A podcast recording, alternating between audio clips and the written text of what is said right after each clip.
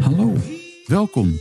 Je luistert naar De Leeuw Brult, een serie podcasts van Lion Finance speciaal voor het MKB. Over ondernemen, financiële dienstverlening en vooruitkijkspiegels. Ter inspiratie en om MKB-ondernemers verder te helpen op weg naar rust, resultaat en rendement.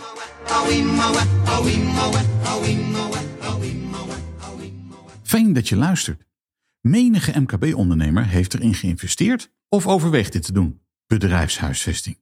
In de eerste plaats natuurlijk om de bedrijfsactiviteit in onder te brengen, maar menig ondernemer ziet het ook als een manier om de juiste uitstraling en werksfeer te creëren.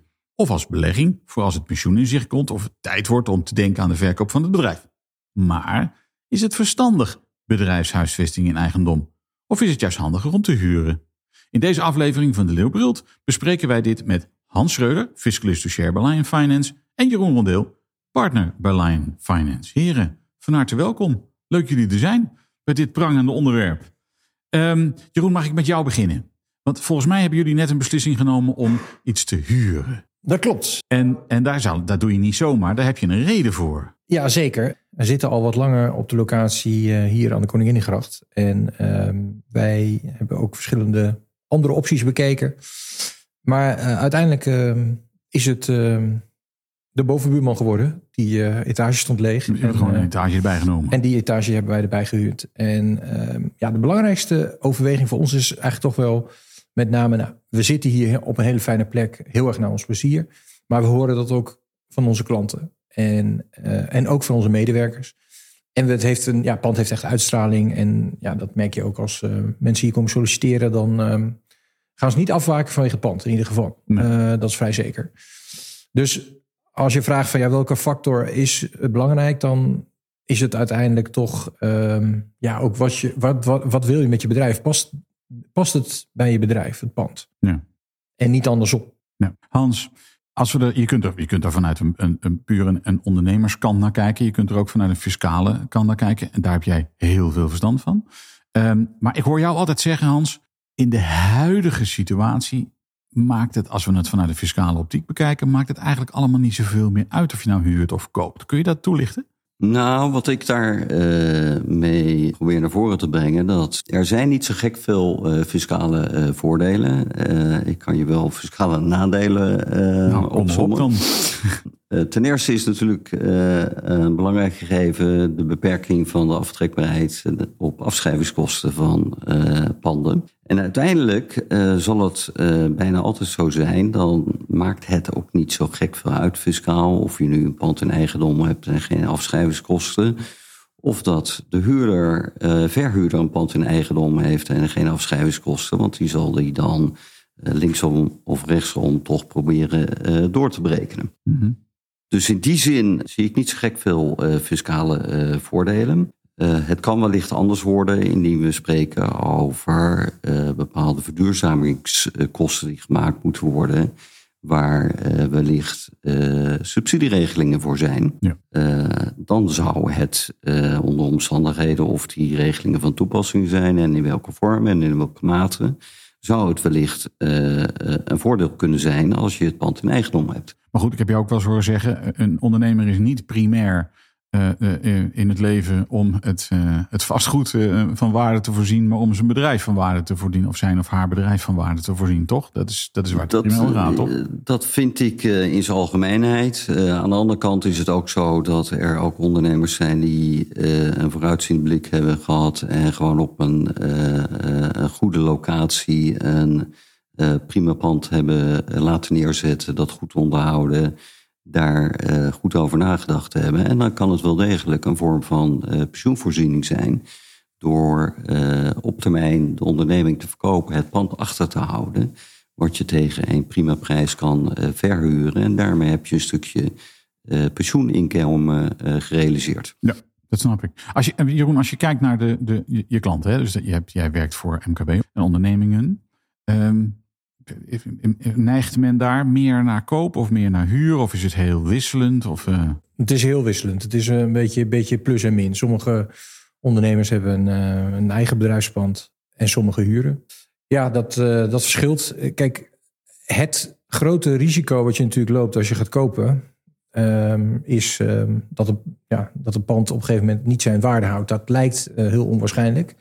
Uh, maar dat kan natuurlijk. Nou, in de huidige, in de huidige vast, vast, vastgoedmarkt zou ik zeggen, dat is. Nee, dat klopt. dus dat is. De, dat, we denken altijd uh, dat de bomen tot in de hemel groeien. Maar uh, dat is niet zo. En als je een, een pand stevig gefinancierd hebt, dan kan je dan nog wel eens lelijk op je neus kijken. Als, als je op een, ja, op, een, op een gegeven moment gedwongen wordt om, om een pand te verkopen. Van de andere kant, ja, je, je kan ook met, met onderhoud geconfronteerd worden. Dus je kan ook met flinke kosten geconfronteerd worden. Dat risico heb je ook minder als je huurt. Van de andere kant, um, ja, huurders, uh, verhuurders zullen ook uh, kosten doorberekenen aan huurders. Dus uiteindelijk, um, wat Hans ook al zei, uh, is maar de vraag of het heel veel uitmaakt. Het is dus heel individueel bepaald. Ja. Dus er is niet een algemene zin te zeggen, zoals ze vroeger zeiden van nou, ja, je moet echt een huis gaan kopen. Dat moet je echt doen, want dan, dan komt het allemaal naar je toe. De, die, die werkelijkheid. Nou, een huis kopen in, in privé, denk ik dat nog steeds wel ja, precies. op zich een goed idee is. Maar um, ja, ik kan me overigens wel in aanvulling erop, uh, Jeroen, voorstellen dat als een ondernemer voor de keuze staat, uh, ik heb een heel specifiek pand nodig, uh, dat een financier werkt met een dermate hoog risicoopslag, dat het of onbetaalbaar wordt, of het rendement, indien het risico zich niet voordoet, zo hoog is dat een ondernemer denkt, nou, dan zet ik op die locatie, een goede locatie, dat specifieke pand voor mezelf neer. Ja, ja, en het ligt ook heel erg aan uh, ja, welke middelen heb je, heb je zelf beschikbaar. En uh, uh, is, een, is, een, is een verkopende partij ook bereid om nog een stukje in de financiering mee te doen of niet? En, en hoe zit jouw banker daarin? Dat maakt natuurlijk allemaal heel erg uit. Kijk, als jij zelf behoorlijk wat liquiditeiten hebt die je niet direct in de onderneming nodig hebt, ja, dan is het wat makkelijker om daar wel voor te kiezen. Wel een, een eigen pand te doen en dan met een wat lager ja, hoe zeg je dat, met lagere rente te kunnen, kunnen werken. Ja. Nou heb ik wel begrepen, maar misschien heb ik dat verkeerd begrepen, Hans. Dat in het kader van de bedrijfsopvolgingsregeling, dat een, een pand wat, uh, uh, wat niet wordt gebruikt voor de primaire uh, bedrijfsuitoefening, dat je dat niet kan meenemen fiscaal aantrekkelijk in de bedrijfsopvolgingsregeling. Of zeg ik dat nou helemaal verkeerd?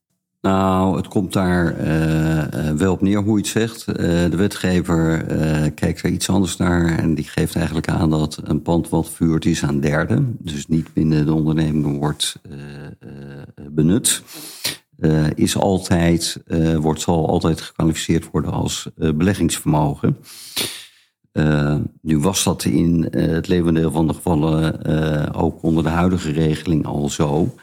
Uh, maar het wordt nu als definitie opgenomen in de, in de wet. Oké, oké. maar goed, het is wel iets wat je even, uh, waar, je, waar, je, rekening mee moet houden dus. Als, ja. je, als je vastgoed bezit. Ja, staat tegenover als je het huurt, dan, heb je die, dan, dan hoef je daar geen zorgen over te maken. Nee. Want dan heb je het geld sowieso al aan een derde uh, afgedragen via de huurpenningen. Uh, maar het is iets wel om, uh, zeker om rekening mee te houden, daar heb je gelijk in. Ja, ja. maar goed, uh, het net al eventjes benoemd. als we kijken naar de huidige vast, vastgoedmarkt, hè, ik heb jou ook vaak horen zeggen, Hans, van ja, het is allemaal wel leuk dat je denkt dat het altijd meer waard wordt, maar dat is helemaal niet zo gezegd. Nee, dat is zeker niet zo gezegd. Er zijn natuurlijk legio voorbeelden in Nederland van bedrijfsterreinen die inmiddels toch verouderd zijn, ofwel omdat men er weinig aan gedaan heeft of op een plek ligt uh, die logistiek bijvoorbeeld niet zo uh, goed meer is. Uh, en die dan in een soort vervallen zaad terechtkomen. Ja, en dat zal betekenen dat de waarde van dat onroerend goed beduidend lager is dan je wellicht in het begin gedacht hebt. Ja. Ja. Er staat tegenover dat als je dan het geluk hebt dat uh, de gemeente langskomt en die wil de huizen bouwen, dan kan je over het algemeen nog wel een aardige deal maken. En maar als jij toevallig in een winkelstraat zit, ja, dan is het een dingetje. Ja, absoluut. Ja, op dit moment. Hè? Want daar, daar is fors afgewaardeerd, zou ik maar zeggen. Ja, klopt. Er staat uh, elke week wel iets in het FD over een keten die uh, over de kop gaat. Of een, ja.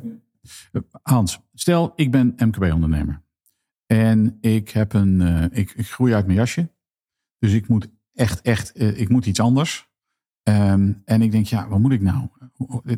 Je hebt aangegeven, joh, het is eigenlijk een beetje uit ijzer. Maar aan de andere kant kun je ook zeggen, kun je, kun je zeggen hoe je daar als ondernemer mee om zou moeten gaan? Wat is het proces uh, wat jou betreft uh, om tot een goede keuze te komen? Nou, ik zou denk ik zelf als ondernemer me iets minder richten op de fiscaliteit, maar vooral kijken naar wat zeggen vastgoedexperts nu over die keuze. welke groei ga je doormaken? Wat heb je dan nodig? op welke plek en in welke kwaliteit? Um, maar ik zou wel een hele grondige analyse maken. Want zoals je weet, ga ik er niet vanuit dat het goed vast goed voor je onderneming altijd in waarde zal stijgen. Dat hoeft helemaal niet. En de praktijk leert ook dat het vaak ook niet het geval is. Maar ik hoor je ook een beetje zeggen, pas nou op met dat je te veel zelf hobbyt. En vraag toch ook goed advies op dat punt. Ja, absoluut. En dan vind ik dat je als fiscalist ook in die zin wel bescheiden moet zijn. En uh, uh, je kan wel een indicatie geven van uh, of berekenen wat de fiscale gevolgen zijn. Maar uiteindelijk gaat het natuurlijk toch om of er waardecreatie zal plaatsvinden. Of dat er een waardedaling plaatsvindt. Jeroen? Ja. Nou, helemaal mee eens. Het begint echt met je eigen bedrijf. Wat heb jij nu nodig? Wat verwacht je nou voor de komende drie tot vijf jaar, waar groei je naartoe? Wat heb jij dan nodig? En uh, ja, kan je dan ook op de locatie waar je dan zit verder? Als je zeker weet dat je daar nog jaren uh, verder kan, ja, dan, dan is het op zich wel logisch om, uh, als de liquiditeit dat ook toelaat, om zou het logisch kunnen zijn om iets te kopen. Maar ja, wie weet dat nou voor zo'n periode van tevoren? feitelijk, als je een bedrijfspand koopt voor je eigen bedrijf, dan weet je ook ja, weet je, dat, als je bij de bank een lening vraagt, zal dat ook snel 20 jaar zijn. Uh, eh, 10 jaar, 20 jaar denk ik wel. Hm. Ja, dan kan je dan nog steeds daar verder. En huur geeft toch wel iets meer flexibiliteit. En je loopt wat, wat Hans net zei, uh, als je op een bedrijfterrein zit, ja, als de ontwikkelingen uh, in de komende jaren toch tegenzitten, zeg maar, op, op, dat punt ja, dan, dan ben je met huur flexibel en kan je makkelijker opzeggen. Dus ik zou veel meer echt kijken naar. Niet zozeer. Kijk, het wordt, je bent natuurlijk snel verliefd op een pandje als je, als, je, als je ondernemer bent. Zo gaat dat. Maar je moet toch proberen om dat wat rationeel te benaderen. Want het, het is niet. Als je huurt, dan is het voor vijf jaar. Maar als je koopt, dan is het vaak voor langer. En ja, dan, je, je moet dan echt iets hebben waar je heel makkelijk ook weer een andere, andere uh, onderneming in kan huisvesten mocht jij zelf daar uh, uit het jasje groeien. Nou ja, en het is jouw ervaring, het is jullie allebei de ervaring. Uh, is dat het dus niet een wet van weten pers is dat het een of het ander een betere oplossing voor je, voor je is, Hans. Dat is het dus niet zo. Uh, nee, nee, absoluut niet. Uh, nou, uh, de voorbeelden zien we natuurlijk in de dagelijkse praktijk. we hebben het heel kort even gehad over pensioenvoorziening. Maar je zal maar inderdaad ondernemer zijn met een, mooi winkelpand in de schoolstraat, die in elk dorp in Nederland te vinden is. Ja. waar een groot deel van de panden leeg staan. Ja. Dat was nou net je uh, pensioenvoorziening, uh, waarbij je dacht van nou, dat kan ik dan mooi over 20, 30 jaar uh, gaan ver, verhuren. En dat is mijn pensioenpot. Ik ken ondernemers die dat gedaan hebben. Die, hebben, allemaal, die hebben ook allemaal woonhuizen aangekocht. want die dachten van nou, als ik dan stop met werken, dan heb ik gewoon inkomsten. Wat, ja. wat op, aan de oppervlakte een, een, logische redenering is, toch? En nu, ja. hebben, ze, en nu hebben ze label F waarschijnlijk. Nou ja, dat is de grap. Uh, uh, dus die, die moeten, wat jij zegt, die moeten in onderhoud, moeten verduurzamen, moeten van alles doen. We hebben misschien uh, huurders die van alles eisen. en, dus die, ja, en, en tegelijkertijd neemt de, de, de, waarde van dat vastgoed neemt af. Dus daar heb je heel hard gewerkt om die centjes daarin te stoppen.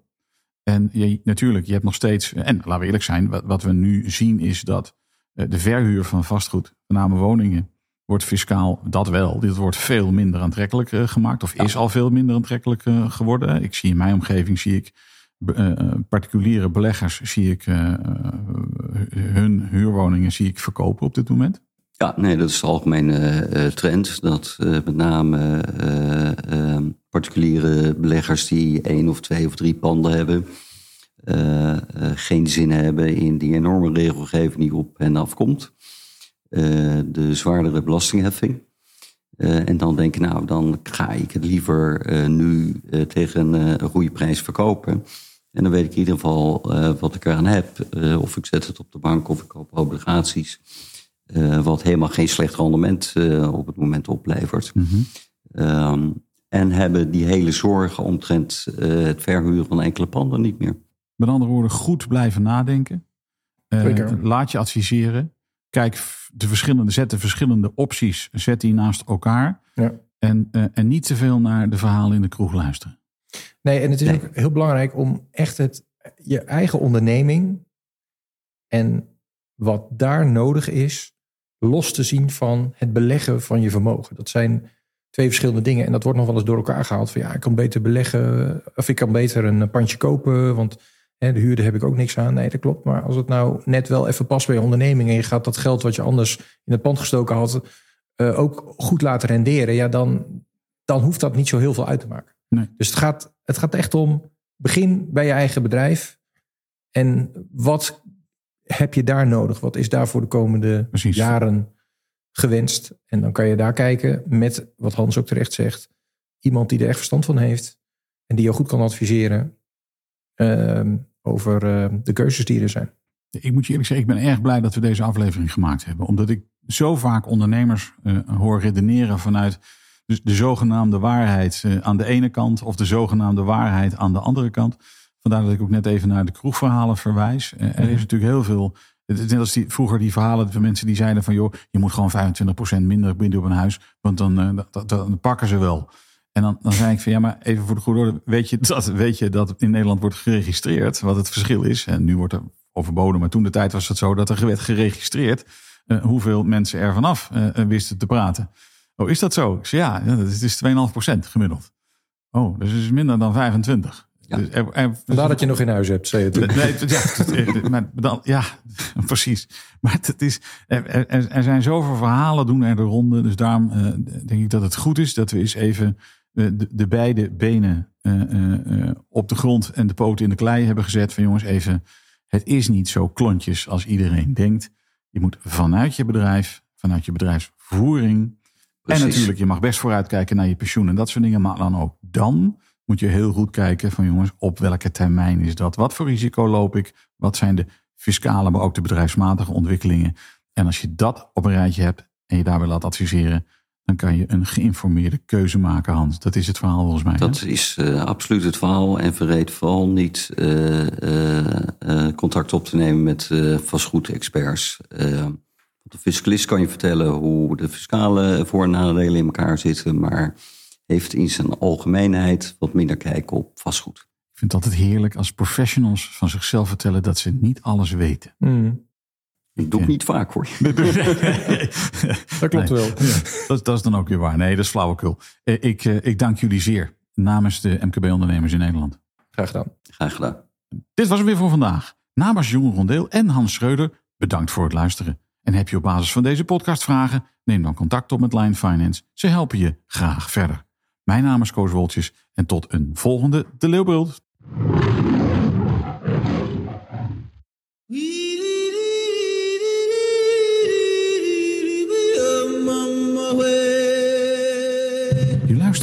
Naar De Leeuwbult, een podcast van Lion Finance, speciaal voor het MKB.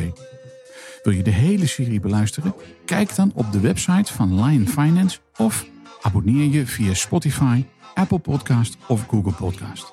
Binnenkort is er weer een aflevering. Tot dan.